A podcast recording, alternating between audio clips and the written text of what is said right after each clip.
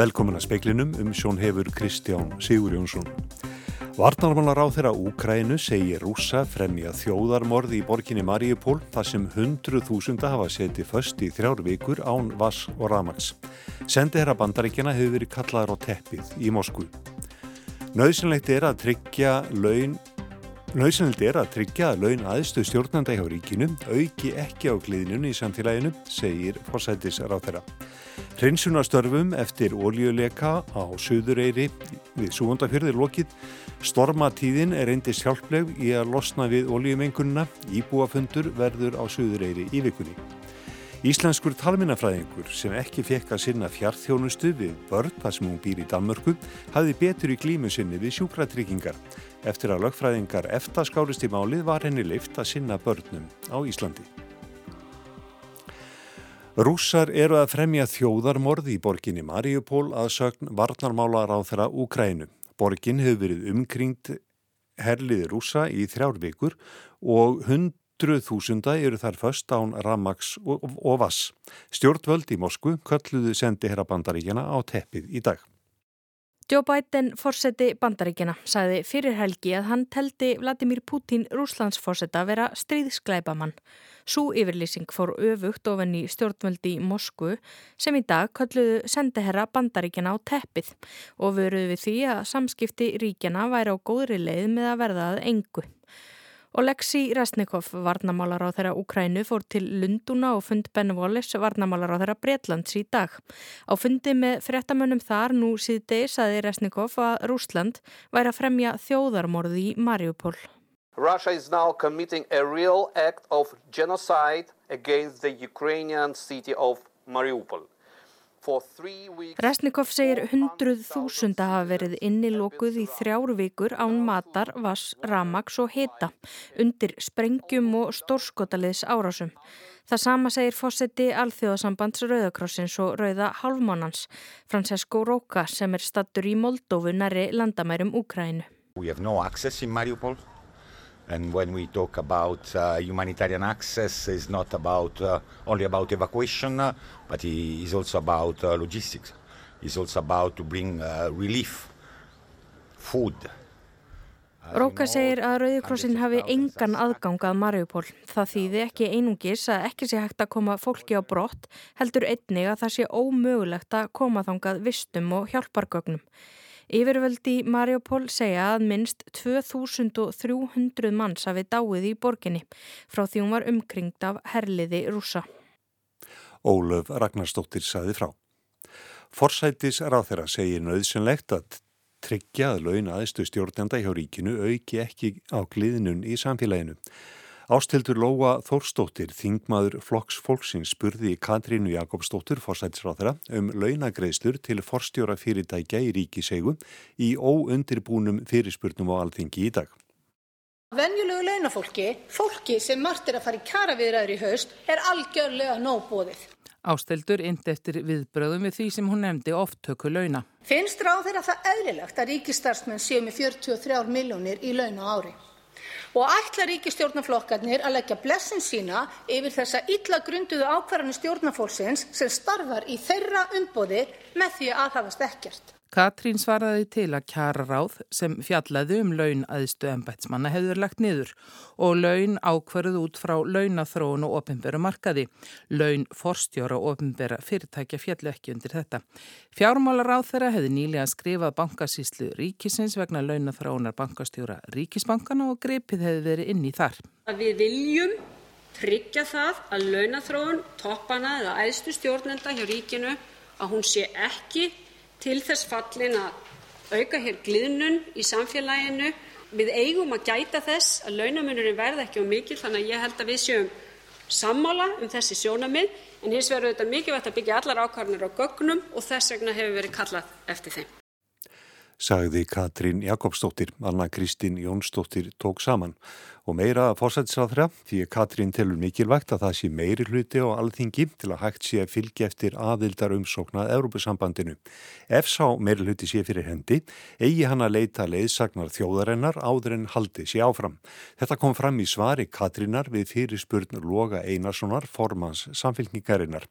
Þrýrflokkar lögðu í dag fram á alþingi tillugu til þingsálutunar um að framfæri þjóðaratkvæðagreisla um að taka upp aðildara viðræður við Európusambandinu sambandið. Ísland sóktum aðild en Ríkistjórn sjálfstæðisflokks og Fransnárflokks sleitt þeim viðræðum árið 2014. Alþingi hefur samt aldrei dreyið umsókn Íslands tilbaka og hefur það verið mjög umdilt. Búið er að reynsa dísilolju sem lagur tanki orkubús vestfjörða upp úr tjörninni og höfninni á söðureyri í Súvondafyrði. Fylst verður með hvort mengur, mengunar gætir aftur þegar snjóa leysir. Rúmar tvær vikur eru síðan meira en 9.000 lítrar af ólíu lágu úr niðurgröfnum ólíutanki við kindistöð Orkubús vestfjörða og þaðan í tjörnina og höfnina á Suðureyri. Ólíuleikin hafði sérstaklega neikvæð áhrif á fugglalífið eirina og drápust hundruðir æðarfuggla eða voru aflífaðir í kjölfarið. Sigriður Kristinsdóttir teimistjóri mengunavarna hjá Ungveristofnun segir að hreinsun úr tjörnini og höfnini hafi gengið vel og klárast um helgina. Stormatíðin hafi komið sér vel. Já, það gerir það. Náttúrulega, náttúrulega sér, er best í því að sjá um svona hérna, niðurbróta á ólíu og, og það vinnur þá með okkur. Nú skuli hafa auga með hvort mengunar verði aftur vart með breyttu veðurfari. Búið að stafnum okkubúsins fylgist með tjörnina, sérstaklega eins og í vor þegar að leysa og, og hérna, að það verði vel fylgst með tjörnina hvort það komin okkur ólíu. Já, ekki vona því. Íbúafundur verður þá í þessari viku. Á fundin mæta íbúar á samt þeim sem að atvikinu komu með einum eða öðrum hætti. Þar á meðal Orkubú vestfjörða og heilbriðseftilit vestfjörða. Elsa Maria Guðlaugs Drífudóttir talaði við Sigriði Kristinsdóttur. Ekki stendur til að ráða press til að sinna sálgæslu við sjúkrahúsið á Akureyri, þrátt fyrir að svo staða hafi verið laus í nokkur tíma. Sokna prestur í Glerárkirkja á Akureyri gaggrindi skort á sálgæslu á sjúkrahúsinu í Pistli í síðustu viku. Sér að Sindri Geir Óskarsson sóknarprestur í Glerárkirkju skrifaði í síðustu viku grein í staðarmiðlin akureyri.net undir fyrirsögninni Ég vil ekki deyja á sjúkrahúsinu á Akureyri. Í greininni gaggrindi Sindri að ómannað stöðugildi væri fyrir sálgæti á sjúkrahúsinu og því engin í því skilgreinda hlutverki að veita fólki sálgæslu. Hildi Gunni Svavastóttir, fórstjóri sjúkrahúsins á Akureyri, segir að það muni breytast á næstu dögum. Hér erum við náttúrulega að hlúa að okkar sjúklingum með sko gegnum okkar klíniska starfsfólk en það er ekki sálgæsla í, af, af hálfu prest. En þannig ennum staðan að við höfum verið með lausa stöðu, eða réttar að sagt höfum ekki ráðið í stöðu sem losnaði og uh, þannig við höfum aðeins verið að reyna að leita leiða bara til þess að finna hvað við getum gert og erum svona að horfa til þess að uh, sinna þessu sagt, með fólki frá okkur og það er ákveðna ástæði fyrir því og meðal annars náttúrulega bara vondra ekstra staði hjá sjúkrásna akkveri en við gerum okkur hins var algjörlega grein fyrir því að, að mikilvægi góðra sálgæslu er mikilvæg fyrir fjölskyldur sem er að takast á verfi áföld þannig við viljum reyna að leita leiða og horfa til lausnar og, og erum eiginlega að klára það dæmi núna. Og verður það þá einhver starfsmöður innan sjúkrásins eða, eða stendur til að ráða aftur prest? Nei, nei, við erum að horfa til þess að, að nýta okkar eigi starfsfólk og okkar sérhæði starfsfólk til þess að, að geta veitt uh, þá uh, sálgæslu gagvast okkar skjólstæðingur. Sagði Hildugunnur Svavarstóttir, Óðinsvann Óðinsson talaði við hana. Íslenskur talminnafræðingur þurfti að sitja auðum höndun mánuðum saman á sama tíma og bygglistar eru langir eftir þjónustunni. Sjúkratryggingar vildu ekki niður greiða þjónustuna þar sem talminnafræðingurinn bjó í Danmörku og vildi veita fjartþjónustu þaðan. Langir bygglistar eru eftir þjónustu talminnafræðinga og ýmsar hindranir í kerfinu hafa gert stöðuna verri og talminnafræðingum erfitt fyrir að stitta byðina. Þannig var talminnafræðingum til dæmis meinað að veita þjónustu fyrir en þeir hefðu aflað sér tveggja ára starfsreynslu. Þannig þurftu talminnafræðingar á Akureyri að hætta að þjónusta börn sem þeir hefðu synt á handleðslu tímabili eftir nám og börnin sem fengu þjónustu þeirra þurftu aftur á bygglista. Ástæðan var svo að talminnafræðingarnir útskrefuðust og þurftu þá að fara til annara starfa í greininni í tvö ár áður en þeir mættu starfa samkvæmt reglum um niðurgreðslu sjúkratrygginga. Heilbreyðisráð þeirra breytið þessu eftir háværa gaggrinni. Fleiri vandamál hafa komið upp. Rúf sagði í haust frá íslenskum talminnafræðingi í Kaupmannahöfn sem sérhefði sig í stami og málþróskaröskunum og vildi veita fjartþjónustu á Íslandi. Henni var meinað að veita niðurgreita þjónustu því að matisjúkratrygginga starfaði hún ekki á Íslandi líkt og krafist var í ramasamningi. Í janúar fengu lögfræðingar efta veður af málinu og báðu sjúkratryggingar um raukstuðning en það á fólk að geta veitt þjónustu yfir landamæri innan EES. Dægin áður en frestur sjúkratrygginga til að svara rann út, fekk viðkomandi samning við stofnunina, getur því þjónusta börn á Íslandi og hjálpað til við að stitta byðina sem getur verið alltaf þrjú ár. Rúnar Snær Reynisson sagði frá. Flutningur grunnskólans frá ríki til sveitafélaga fyrir rúmum 25 árum var gæfuspor fyrir stór, öflug sveitafélug og minni velstæð sveitafélug. Þetta segir Yngvar Sigurgeirsson, fyrverandi profesor í kjenslufræði. Börn í litlum og eða fjárhagslega illastæðum sveitafélugum líða tíðum fyrir ójöfnuð því bak tryggingu vantar. Við ræðum við Yngvar á eftir í speiklinum en hugum fyrsta flótamönnum og útlendingastofnun. Það sem aðver ári hafa 620 mann sókt um alþjóðlega vernd hér á landi. Þaraf eru tæplega 400 umsóknir frá Úkrænu í þessu mánuði einum. Það mæðir mikið á útlendingastofnun vegna þessa. Opnuð verður sérstök móttökustöð þar sem allt verður undir einum hatti fyrir flóttafólk frá Úkrænu í Dómusmedika við Egilskötu í Reykjavík. Ólöf Rún Skúladóttir rætti í dag við Kristínu Völundardóttur, forstjóra útlendingastofnunar. Kristín var fyrst burða því hvernig stofnunin ætla að takast á þetta stóra verkefni sem ótaka flótafólks er.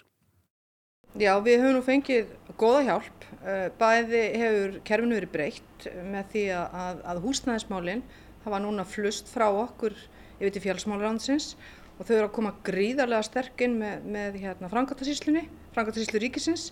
Þannig að þeir munu alfarið, bara í rauninu frá með síðasta fösti, sjá um að, að, að afla húsnæðis. En við einbyttum okkur þá að uh, málsmaðferðinni og þjónustu, við erum sérst með þjónustu samning við fjálsmálarándi tímabundið, þannig að við erum að auka, við erum að tvöfalda mannskapin þar, við erum að auka mannskap eða sérfræðinga í skráningum úkrænubúa því að þetta er stór fjöldi eins og segir, við erum með tefla 400 Úkrænu umsóknir núna sem við erum byrjuð að afgreða á, á grundvelli 44. greinar útlýtingalaga sem er sérst, vendar ákvæði sem aldrei hefur verið beitt áður þannig að það þurfti í raunin að teikna upp uh, nýtt ferli og það er gaman að segja frá því að, að landlæknisembættið og, og ríkslörgustjóri og útlýtingastofnun þau hafa, eða við höfum unnið mjög þétt saman á að, að koma upp einu ferli Þannig að umsækjandin uh, hefur bara einu snertingu, þarf ekki að hitta okkur um einu sinni. Og, og, og svo er aftur uh, mjög góða fréttir að segja frá því að, að uh, eh, fjálsmálurandið er að ganga frá samningum um dómusmetika sem verður þessi, þetta eina stopp fólks. Þannig að eftir helgi, það er von mín, þá mun fólk mæta á þann stað og það gengur út með dvalarlefi. Og verður þá uh, heilsufarskoðun og allt á einum stað í Dómasmetika fyrir flótafólk frá Úkrænu? Já, það er allir búin að leggjast á eitt og vera að tekna þetta upp undanfarnar tíu daga og nú er þetta smetla saman. Stundum hefur verið haft á orðið að það getur verið svolítið erfitt að eiga við útlendingarstofnun uh, á þetta að ganga auðveldlega fyrir sig núna og hvað með aðra umsækjandur? Já, það er aldrei erfitt að eiga við okkur. Við hins vegar á, tí, á, á tímum stundum uh, veitum fólki ekki þá niðurstöðu sem það vil. En uh, já, það er risastort áskorunefnir sem stendur eftir því miður og það er fjármögnun uh, þess að við kvöldum halinn. Og núna eru 500 umsækjendur frá öðrum ríkjum heldur en Úkrænu sem eru óafgreitt. Og, og við erum mjög vongum með það að, að ríkistjórn uh, samþykki eh, hvað ég vil segja, rífilegt fjármagn í málsmaðferðina þannig að, að samhlega því að vera afgreða Úkrænu og búin að koma þessu í eh, vonandi þetta mjög góða og skilvirka ferli að þá getur við eh, unni niður þann hóp líka. Vitið þið hvenar er von á fólkinu? Hvenar er þið von á þessum hópi sem hefur sótt um frá Úkrænu? Það eru komnir 400 umsækjendur, það komu til að mynda 50 um helgina eh, með vélum frá Pólandi, eh, 20 sóttu um strax um helgina, aðrir eru hjá ættingum og eiga svo eftir að koma hérna inn. Þannig að sko, við vitum náttúrulega ekki hvað eru margir að koma, en ég held að það sé alveg ljóst að við getum alveg átt vona á 50 til 100 manns á einum degi. Það er ekkit útilokk og undir það verðum við að vera viðbúin. Og uh, er þá þessi samhæfingarstöð eða þetta fyrsta stopp uh, mun það duga til að, að afgreða allt saman fljótt og vel? Já, það á að geta gert það þegar að, uh, hvort sem það eru 50, 100 eða, eða 200. Þetta verður bara svipað og, og hérna Suðurlandsbröðinni í, í COVID-testunum. Skilvirt, gott og, og lítið álag þá á fólk. En svo náttúrulega eftir kemur það er að finna uh, segja, framtíðar húsnæði fyrir fólk og það er eitthvað í góðum höndum hjá félagsmálarhandinu. Uh, hvað með form og annað sem þarf að fylla út, er þá hægt að gera eitthvað fyrirfram til að flýta fyrir sér eða hvernig er það? Já, þá erum við að horfa á sérst forskráningar eðurblað COVID, það er búið að aðlaga þá umsækjanda um vend og við býðum samþykkis persónumendar á að setja nýta þetta, þannig að fólk getur annarkoð skráð sig áður en það kemur Eh, eftir að það kemur á, á flugvelli eða í afgröðslu uh, útlíkastofnunar eða þegar það er að kemur dómusmetika sem er bara eftir nokkra daga og, og þá er fólk búið að flýta svo mikið fyrir sér að, að skrá sig með þessum hætti. Eh, ykkar mannskapur verður fjölga verulega hjá ykkur starfsfólki til að takast á við þetta verkefni sérstaklega? Já, við hefum fengið sérst heimil til þess að, að tvöfalda í þjónustu teiminu þannig að við erum núna að fara að ráða fimm þangaðinn Eh, bæta við þremur sérfræðingum til þess að afgreða Ukrænu en okkur vantar í, í sagt, hefðbundna málsmeðferð, lögfræðinga og, og sérfræðinga. Það hafa verið nokkur vandkvæði með unga börn sem hafa verið að koma því það hefur vantað skilríki og gögn fyrir þau. Hvernig hafið þið brúðist við því? Sko við tökum, það er það framburðu foreldris sem að ræðu skráningunni hjá viðkomandi. Það fyrir engin óskráður frá okkur. Við erum alltaf að gera okkur besta og höfum alltaf gert það. Við höfum hagsmunni skjólstæðingsins að leiðaljósi og kannski á þessu stíði myndi ég vilja benda fólki svona vinsalegast á að erum ekki að fara í búsitt úrræðin í, í sama hvaða nafni eða undir hvaða formirkjum sem er. Það er þegar byrjað að koma svona upp á komur þar sem að einstaklingar hafa farið inn og verið með eh, áróður og það er eitthvað sem við viljum ekki sjá.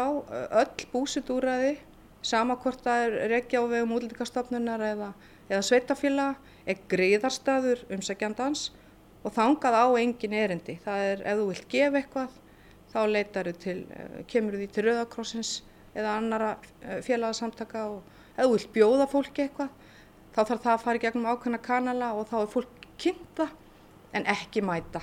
Og ég ætla að beða fólk að skilja það að, að, eh, því er ekki hleyftinn hafa verið einhver mál sem hafa komið upp þar sem einhver reynir að bara banka upp á með eitthvað eða hvernig er það? Já það, það var upp að koma á förstu daginn þar sem að hópur að fólki kom og, og, og það varð, hvað ég var að segja, það var rúsnesku mælandi einstaklingun sem fór að messa yfir, yfir hópnum. Þannig að, að þetta er ekki bóði og hérna, þannig að við skulum standa saman í því að lega fólki hafa frið. Sagði Kristín Völundadóttir. Ólafrún skóladóttir talaði við hana.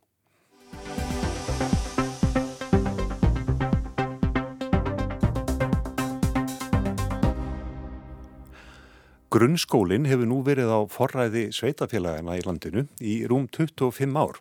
Þann 1. ágúst 1996 tóku sveitafélagin við rekstri grunnskólans af ríkinu. Þetta var stort skref, einn viðamesti flutningur verkefna frá ríki til sveitafélaga sem um getur.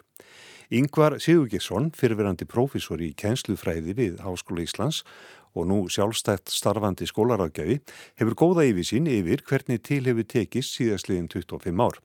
Hann hefur veitt á annað hundrað skólum og um 40 sveitafélagum ráðgjöf og leiti yfir farin vega á skólaþingi sambands íslenskra sveitafélaga sem haldi var í tilitni þessara tímamóta. Já, sem betur fyrr er þetta nefna mjög mörg dæmi um það sem hefur vel tekist það sem er mér efst í huga núna og það sem hefur verið að gerast bara á undarförnum árum þá get ég til dæmis nefnt ég var eiginlega steinhissa þegar ég heimsótti nýjan skóla í Reykjanesbæ Stapaskóla í Njarvík Sveitafélagið, altså Reykjanesbær var, ég var að segja nánast á kúpunni fyrir, fyrir nokkrum árum. Þannig að það var svo óvænt að sjá þessa glæsilegu og velbúinu skólabyggingu.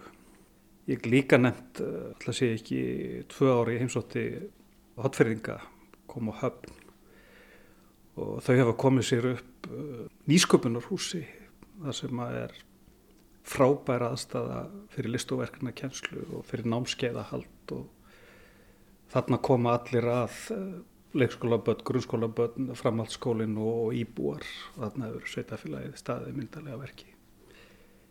Ég geti nefnt Vestmanneigabæ sem að nýlega var að setja umtalsverða fjármunni í þróunastarf, rannsóknartengt þróunastarf í, sínum skólum og ég geti nefnt mörg verkefni Reykjavíkuborg, Kópavór, Garðabær, Hafnahöður en staðrindin er náttúrulega svo að það sem gleður um hann þegar maður er að heimsækja skóla ég hef verið mikið í farið vítt um landið og fylgst með skólastarfi það er fyrst og fremst í stóru öflugu sveitafélaguna. Það sem manni finnst vera staðið sæmilega verki þó auðvitað megi alltaf gera betur og ég verða viðkynna að, að þarna var grunnskólinn til skoðunar en ég hef oft staldrað við þegar ég hef verið að heimsækja leikskóla og þá er svo sláandi þessi munur á því hvort að leikskólinn er í fámennu sveitafélagi sem ekki stendur fjárhagslega vel eða hvort hann er, og ég segja bara á höfuborgarsveðinu eða á Akureyri eða einhverju stóru öflugu sveitafélagi. Það er bara sláandi að við erum með allt og mörg veik sveitarfélag og ég hef, það verið vombriði hvað illa hefur gengið að að samæna sveitafélagin. Skólaþjónusta og aðbúnaður er einfallega bara miklu betri hjá öflugu sveitafélagunum. Þannig að það er kannski jöfnuður sem að þér er efst í huga, hann er ekki næjanlúr. Já, það þarf einhvern veginn að hugsa, endurhugsa þetta og það var áraðanlega ekki hugmyndin að barni í sjáarþorpi í fámennu illastæðu sveitafélagi væri alastöfið allt önnur skilir heldur en barni í þéttbíli eða velstæðu sveitafélagi. Það þarf miklu öflur í jöfnar aðgerðir en við höfum núna. Og það sem vestir í tekið dæmi, það er ekkit afskaplega mörg dæmi sem ég hef um það. Ég hef komið í sveitafélag þar sem að skólamál hafa verið komin í algjör óefni, bara í ógöngur. Og þá er engin baktrygging. Það er engin aðeli sem að hægt er að kalla til engar björgunarsveitir skilurðu. Þannig að þetta verður að endur hugsa. Þannig að þetta hefur haft sína kosti og sína galla? Flutningurinn? Já.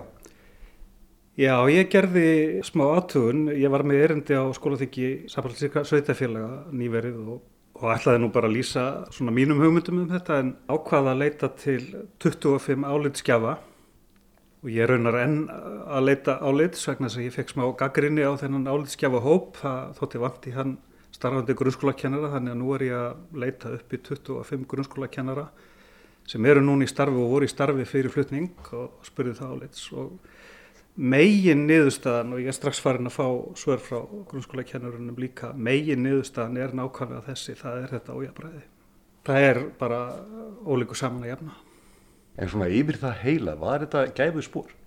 Þetta var gæfu spór í stóru öflugu sveitafélagunum og öflugu litlu sveitafélagunum og svo þetta það er svo sérstakt á Íslandi þú veist aldrei ákverðið áttu von ég get bara nefnt sem dæmi Ég heimsótti í haust lítinn skóla, hundra nefnundur, þingæðaskóla í þingæðasveit sem er núna að fá hendarlega nýtt nafn að sveitafélag sem betur fyrir að sameinast öðru, þyrstu þetta miklu stærri sameiningu. En í þessum litla skóla, hundra nefnundur, það eru 60 eða 70 grunnskólabötn og 30-40 leikskólabötn, ég man ekki alveg tölun, en þessi litli skóli hefur á að skipa sálfræðingi, talmeinafræðingi, yðurþjálfa og mentuðum sérkennara. Þannig að sem betur fyrir eru undatekningar en, en þetta vil maður auðvitað sjá allstöðar. Nú hefur verið reikins úr stefna að skólið sé án aðgreiningar. Það hefur allir rétt á að ganga í sinn heimaskóla. Hvernig hefur það gengið? Þetta er líklega einn helsta áskorun skólakerfisins. Hvernig við gerum þetta betur og ég hef auðvitað komið í skóla þar sem að mér hefur þótt takast alveg sérstaklega vel til með þetta. En ég hef líka komið í skóla þar sem að þetta er ekki að takast nægilega vel. Það er fyrst og fremst einn hópur sem ég hef haft alveg sérstakar áhyggjur af eins og margir fleiri og það eru börn með gæran vantkvæði.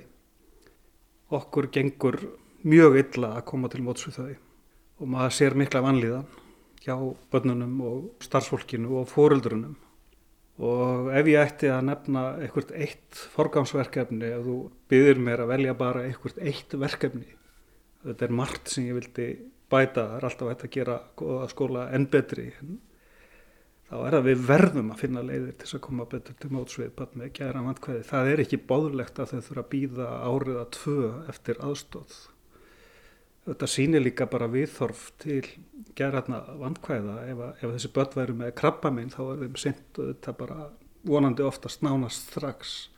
En badjafvel sem hefur reynd eh, sjálfsvík jafnvel oftar en einu sinni fær ekki stuðning úr helböðiskerfinu þetta er algjörlega óþólandi skóli án aðgreiningar þessi stefna hefur nú verið gaggrínd og það heyrast rættir um að þetta sé heillega ekki gerlegt, allavega ekki miða við núverandi aðstæður, núverandi fjárvitingar.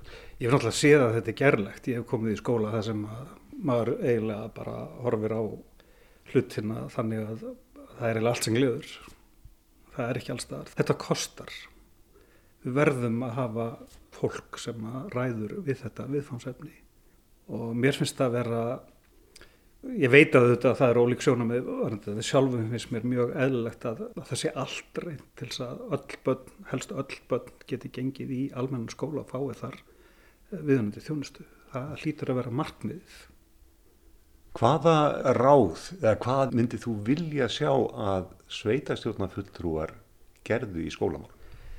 Nú voru sveitastjórnarkostningar framöndan og ég vona að skólamál komist til umræðu og okkur hefur oft þótt vanta á það þegar við erum að sjá þau mál sem að flokkarnir er að setja á ottin fyrir stjórnarkostningar. Það vantar oft mentamálinn, skólamálinn og anandi komast þau til mikillar og góðurar umræðu núna fyrir þessar kostningar og, og helst áfram.